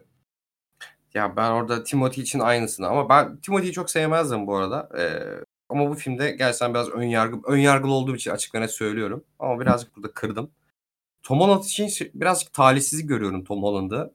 Ben mesela Spider-Man'de senin aksine çok sevmemiştim. Şeyden dolayı. Abi herif çok küçük gösteriyor ya. Yani yaşı büyük. Eyvallah.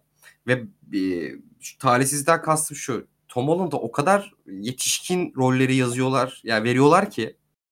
Ya mesela şimdi yakın zamanda Uncharted çıkacak tamam mı? Ben oy- oyununu da çok severim onun. Uncharted karakter hakikaten öyle bir çizilmiştir ki ona benzeri çok oyuncu bulursun. Tom Holland da bu arada uyuyor aslında yani hal tavır olarak ama çocuk o kadar genç gösteriyor ki anlatabildim mi? Çok uyumuyor yani. Mesela Spider-Man'de de öyle olmuştum. Çok bebeksi, çok çok çocuksu gösteriyor herif. Büyük ihtimalle 10 yıl sonra da aynı olacak bu adam. Minyon ve bebeksi bir tip olacak yani. Bir de O konuda birazcık şey görüyorum. Yani ben o ciddi rolleri, o ciddi duyguları alamıyorum ondan. Hani anladım. anatomik olarak. Hı.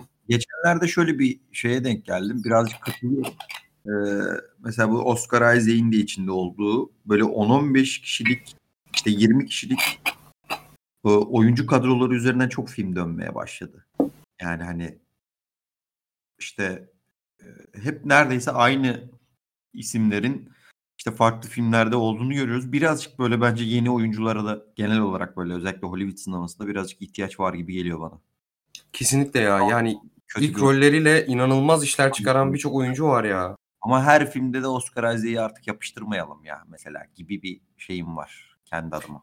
Yani biz mesela e, sen hazır konu açılmışken bir küçük şeye girmek istiyorum. Özür dilerim soruları böldüm burada ama farkında mısın? Hollywood artık yavaş yavaş şey yapmaya başladı. Büyük ihtimalle bu pandeminin etkisiyle insanlar sinemaya gitmeye bıraktı. Bir de stream e, yani servisler işte Netflix gibi, HBO Max gibi, Disney Plus gibi. E, bizim Türkiye'de yakındığımız mevzuyu şu an Hollywood yeni yeni yapmaya başladı. Atıyorum. Artık bütün prodüksiyonlarda hayvan gibi ünlü insanlar oynuyor. Artık no name insanlar görmekten çok uzaklaştık oralardan. Filmler Artı afişler farkında mısın? Türk afişleri gibi. Yani evet. sadece seyirciyi yani artık filmler yapılırken seyirciyi çekmek için hamleler, pazarlama hamleleri de yapılmaya başladı. Yapılmıyor muydu? Hayır, yapılıyordu abi zaten önce de ama bunu biraz estetize yapıyorlardı ve çok anla, anlamıyorduk. Şimdi bayağı bizim ülkemizdeki gibi böyle biraz tutuşmuşluk görüyorum orada. Evet haklısın katılıyorum sana buna. O yüzden görmüyoruz abi şey yeni yetenekleri bence. Çünkü yapılan filmler batmasın diye ünlüleri falan böyle hayvan gibi bağlamaya çalışıyorlar. Diye yani artık ne yazık ki tüm filmlerde oynatılacak insanların tabii ki takipçi sayısı falan çok önemli. Yani özellikle pazarlama anlamında o da dediğin çıkmaza doğru Hollywood'u birazcık sürüklüyor. Haklısın. Pandeminin etkisi diye düşünüyorum abi bunu. Bir de hani pandemide sinemalar kapandı ama HBO Max olsun, Disney Plus olsun, Netflix olsun asla durmadılar ya Amazon Prime. Hadi onu da sayayım. Bak hani daha saydıkça bir sürü çıkacak büyük ihtimalle. Ee, biraz sanki hani yine bizim biz çok podcastlerde konuştuk bunu Burak'la hani stream servisleri ve şeyler e, sinemalar diye. Tekrar uzun uzun oraya girmeyeceğim ama biraz onun etkisini görmeye başladım. Beni biraz itiyor ya. Hani Dune'un ilk çıktığı afişini hatırlıyorsun değil mi? Böyle 1005 tane kafa vardı orada. Ha, biraz buraya değinmek istedim söyleyince. Hatırlıyorum. Sen yeni isimler görmüyoruz deyince. Evet bir sonraki soruya geçiyorum. Ee, Şekerciki diye okuyacağım e, ismin uzantısını. Çünkü Yu yazıyor orada sadece. Şekercik.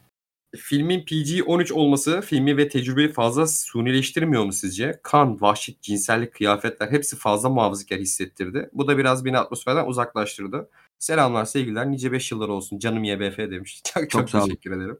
Gündüz'den ya doğru bir eleştiri de işte gişe kaygısı ne diyeceksin ki? Ya hem gişe kaygısı ben biraz da şeye geleceğim. Bilmiyorum kitap okudun mu? Ee, şey deyip, kitap shaming yapmayacağım tabii de sana. Ee, filmde bir taraftan karakterler arasında inanılmaz bir sexual tension var böyle garip bir şekilde abi. Hani her an böyle parçalayıp sevişebilecek gibi duruyorlar. Bir taraftan Bana çok fazla... Dedim? Oğlum dedim ya ben şekercike soruyorum zannediyorum şey kitap okudum diye. Ona sordum oğlum. Ha pardon. Ben de bana dedim ki bir buçuk saattir Furkan beni Yok ya dinlemesem ya böyle podcast yapıyorlar. Yok şey yani on, ona cevaben şu an söylüyordum. Hani var var dediğin nokta doğru bir, bir tansiyon sürekli var. Var ama hani bir taraftan da işte Herbert işte dediğim gibi İslami teolojiyle yaptığı için bu alegoriyi karakterler hakikaten oralara doğru çok gitmiyorlar açıkçası. Hani şeyde hikaye gereği çok gitmiyorlar. Ama öyle bir dünya var ki bir taraftan Game of Thrones'tan da biz de aşinayız. Hakikaten bir kan, vahşet böyle birazcık seviyeyi bir tık art, arttırsa bu etkileyicinin üzerine daha fazla bir artı bir şey katmış olurdu gibi geliyor bana da ama hani orijinal eser öyle bir eser değil demeye getiriyordum aslında. Anladım. Ee, Ali Ordu kardeşimiz. Deniz Villeneuve adı bende politikacı çağrışımı yaptırıyor. Politikacılar da özlerinde sine sinem sinamik biraz kokuşmuş gibi. Ha okey. Olduklarından mı yoksa psikoloğa mı sormam gerekir? Ama önce bir şey sormuş onu kaçırdın galiba. Diyor ki Dune evreninde çok yoğun bir şekilde her türlü öldürücü silahlar kullanılıyor olmasına karşı kılıçlarla kavga yapılıyor. O evrenin geleneğinden mi kaynaklanıyor? Üçleme için Dune bugün yarın esprisi yapılıyor. Espri. Onu Furkan biraz başında söyledi espriyi. Burada şeyi ben bir cevaplayayım. Ee, Dune evreninin kendi şeyi var. Ee, ne denir ona? Kendi kuralları var. Mesela ben benim filmde beğendiğim noktalardan bir noktalardan biriydi özellikle o kalkan teknolojisini çok iyi an, anlattı. Mükemmel. dikkat ettiyseniz 10 bin yılında geçiyor Dune. Dune'un geçmişi var bahsedilmiyor ama e, daha önceden e, yapay zeka ve insanlar arasında bir savaş var ve ben hemen söyleyeyim kardeşim Butler yan cihadı. Aynen. Ve bu savaşı insanlar kazanıyor. Hani atıyorum Matrix'te yapay zeka kazanır falan filan anlatısı var ya tam ters şekilde bu savaşı insanlar kazanıyor. Bir daha böyle bir şey yaşamamak için e, yapay zeka özellikle bilgisayar teknolojisi diyebileceğimiz teknoloji yok. Dikkat ediyor ettiyseniz mesela hesapları falan o e, böyle mutantlaşmış insanlar yapıyor. Hani gözlerinin akı gidiyor arkaya. Mesela Neydi lan ismi? Halat mıydı? Unuttum adını da. Yani burada şöyle bir şey var. Evet teknoloji var Eee, ama bu teknoloji, bilgisayar teknolojisi mesela ortadan kalkmış. Yasak yani onu yapmak ve silahların, eee, gücü arttıkça kalkan teknolojisi de ilerlemiş ve kalkanda şöyle bir şey var dikkat ettiyseniz. Kalkana uzaktan gelen ne kadar güçlü, ııı, bir, işte, vuruş yaparsan yap kalkan delinmiyor. Kalkana çok kısa mesafeden çok hızlı şekilde tat tat böyle elimle hareket yapıyorum. Tat tat tat tat tat diye vurman lazım. Bunu çok iyi vermişler mesela şeyde. Hatırlıyorsanız işte Timote'ye o suikast girişiminde bulunan o küçük e, Hunter Seeker. Böyle, aynen çok hızlı hızlı şey yapar ya da böyle işte e, birebir e, kombatlarda e, o kalkanı geçmek için çok hızlı şekilde şey yapılır. Bu biraz o evrenin e, geleneği demeyeyim de evrenin kurallarıyla alakalı. Ama işte çok iyi anlıyorum sorunu. Mesela bunu bize doğru düzgün anlatmadıkları için anlayamaman o kadar normal ki. Yani Ali Ali Ordu sormuş bunu. İşte bunun mesela ben kitabını okuduğum için biliyorum mesela. Ama sen e, tahmin ettiğim kadarıyla kitabı okumadığın için mesela diyorsun ki ya bu bir gelenek mi? Bunlar niye kılıçla savaşıyor? Halbuki bunun bir feedback'i var mesela. Ama o feedback verilmemiş. Gibi Aynen durum. mesela yani işte bu konuştuğumuz şeyi aslında Ali bir soruyla özetlemiş oldu mesela yani. Aynen bir de bildiğim kadarıyla Butlerian cihadı hakikaten ismi böyle geçiyor. Butlerian cihadı diye. O cihattan sonra direkt şey çıkıyor. Neydi yanlış hatırlamıyorsam ya da sen hatırlıyorsan düzelt abi beni ya da e, dinleyen arkadaşlar. Kendinden zeki ya da kendi kendine düşünebilen makine yapmayacaksın gibi böyle bir fıkıh gibi bir şey var abi. Kural var. Bir daha yapmıyorlar o yüzden. Farkındaysanız zaten Arakis'teki e, bu baharatları toplayanlar böyle çok endüstriyel sanki eski gibi duran. Aynen. Anladın Yani o kadar uzay çağındayken hani yani Burak Burak daha iyi anlattı da bir küçük şey şey yapmak istedim. Cihattan sonra baya böyle bir farz gibi bir şey var yani yapmıyorlar. Yani evet ve dediğim gibi yani mesela şey de çok önemlidir. Asla onun önemini anlayamıyoruz. Jason Momoa'nın oynadığı Duncan Idaho karakteri var ya Idaho karakteri. karakteri. Birebir kalkan teknolojisi o kadar gelişiyor ki dediğim gibi uzaktan tekte asla o kalkanı geçemiyorsun ama çok hızlı ve e, şey pardon e, yakındaki yavaş cisimler içeri girebiliyor. Uzaktan hızlı gelenler giremiyor. Bu e, o sebeple de birebir kombatlar çok önem kazanıyor. E, burada da birebir kombatta Duncan Idaho karakteri aslında böyle tüm neredeyse galaksinin korktuğu bir karakter. Çünkü inanılmaz birebir de alan bir şey o Jason Momoa'nın karakteri. Tam biraz bunu vermeye çalışmışlar ama çok da veremiyor mesela. Normalde Duncan'ın adını duyan titrer kitapta. Hı hı. Sen de yani. İşte hı hı. burada birazcık gene aynı noktaya geleceğim ama şeyi vermediği için e, bunları bu feedbackleri vermediği için ben kitap okuduğum için biliyorum ama sen filmi izlediğin zaman ulan bunlar niye kılıçla savaş diyorsun. Çok doğal olarak çok normal yani. Bir de yanlış hatırlamıyorsam şey abi filmin sonunda hatırlıyor musun işte Jessica ile Paul e, Fremenlerle karşılaştığında e, ilk karşılaştığında işte e, Jessica Stilgar'ı boğazına şey dayıyor. E, Paul da bir şeyin taşın arkasına saklanıp silah çıkarıyor değil mi orada? Evet silah çıkarıyor. Bak hiç hiç bilmediğin için sorduğu soru çok mantıklı. Hani lan niye kılıçla dövüşüyorlar diyorsun. Bak bu soruyu sorabilirsin ama film baştan sona kadar böyle gösterip birebir kombatları gösterip sonra Paul Atreides'in birden silah çıkarması bir dakika ya o zaman daha önce niye yapmadılar sorusu doğurur yani anladın mı? Ama Aynen. kitapta değil. Burada doğuruyor ama yani. Aynen öyle. Haklısın yani. Ee, bir heh, Gökay diye bir arkadaş sor. Sinemaksimum'un sineması mı karanlıktı yoksa film mi karanlıktı? Bu Sinema... bir, bir senin cevap verdiğin soruyla da e, bağlayalım bunu. Kitabı e, Şenol sormuş. Şenol Güneş. Ve ben yani şey o Nikio e, Berber demiş. Gerçek Şenol Güneş olsa ya. Mi soruyorum. Ki, neden ben kovuldum falan diye. Bu hakkında hiçbir şey bilmiyorum. Dediğim spoiler filmin çok karanlık olması, çok atraksiyon olması, dümdüz sinema sever olarak beni ne bekliyor Perşembe akşam seansında. Yani bugün biz Perşembe kaydediyoruz bunu. Büyük ihtimalle sen şu an filmi izliyorsun. Ya seni epik bir görsel bekliyor. Bunu zaten bir saat konuştuk.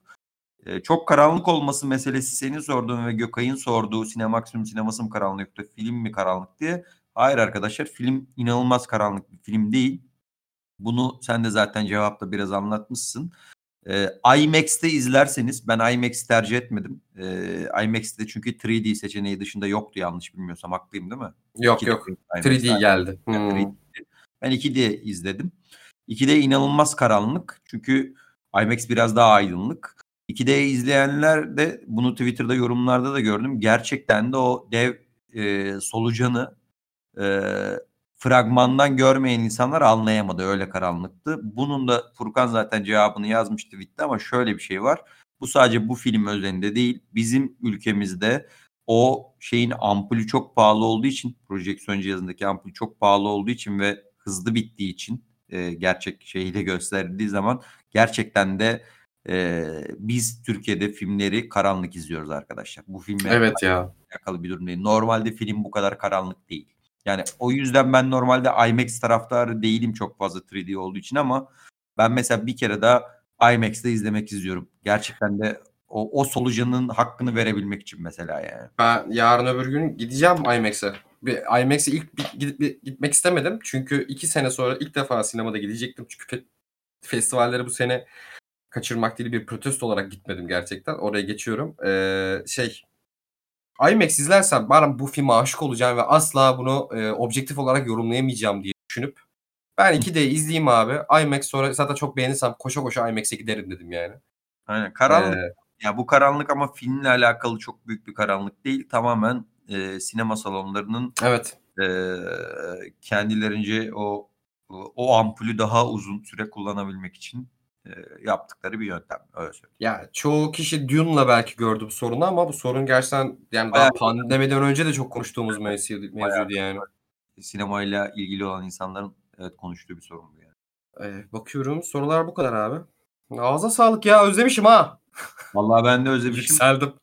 Aynen güzel oldu. İnşallah e, bir süredir ara vermiştik. Sürçülisan ettiyse affola hem kendi adıma hem Furkan adına. E, önümüzdeki hafta görüşürüz. Beşinci sezonumuz hayırlı olsun. E, teşekkür ederiz biz dinlediğiniz için. E, ben de kapatmadan şey diyeyim. E, ben de hayvan gibi özlemişim. Ve yine e, aslında başka bir planımız vardı ilk podcast olarak. Ve biz de farkındaysan Dune gibi yapamadık onu bir türlü. Söylemeyelim. Belki önümüzdeki hafta. Belki o zaman da yapamayabiliriz. Yani asla yapamayacağımız evet. Yani bakalım. Hayır, Oğlum bu sefer ben hayvan gibi hazırlandım. Bu sefer tamam. Bir de ben de hazırlanayım mı? Belki haftaya yetişmez ama ilk haftaya hadi inşallah diyelim. Ay, tamam. Film bu arada Aralık'ta mı? Nasıl? Matrix 4 Aralık'ta mı geliyor? Galiba ya. Aralık'ta e, O zaman onu şey yaparız ya. Tam ona denk getiririz ya. O Matrix 4'ü konuşmadan önce Matrix'i konuşup sonra filmi izleyip gibi böyle iki haftayı bağlarız aslında. Güzel olur. Süper olur. Tamam. Zaten artık spoiler da verdik yani evet Matrix'te. Matrix'te gerçekten hazırlanıp ilk bölüm böyle yapacaktık. Yani ben ben özür dilerim öncelikle burada. Çünkü ben işe girdim ve öyle bir yoğunlaştım ki orada ve orada da podcast yapıyorum. Allah kahretmesin. Bir de finans anlatıyorum. Hiç sevmediğim konu. Yatırım tavsiye ee, almak ya, dinlesin. Böyle 3-4 kendi kendine bir şeyler anlatıyor. Ben bir iki dinledim. Yok yatırım tavsiyesi vermiyoruz abi. SPK böyle kapı gibi elinde böyle şey incil gibi getiriyor yani onu söyleyemiyoruz. Ee, onun dışında hazırlandık ettik ama hani düğüne kısmet oldu. Dün girdi. Ay Dün devamında hemen esprisi, espri yapası geliyor insanın ya. Of. Dayanamadım. Neyse çok uzatmayayım. Ee, ağzına sağlık Burak. Özlemişim seninle, seninle konuşmayı da. Kendine iyi bak. Sen de öyle. Herkese iyi dinlemeler.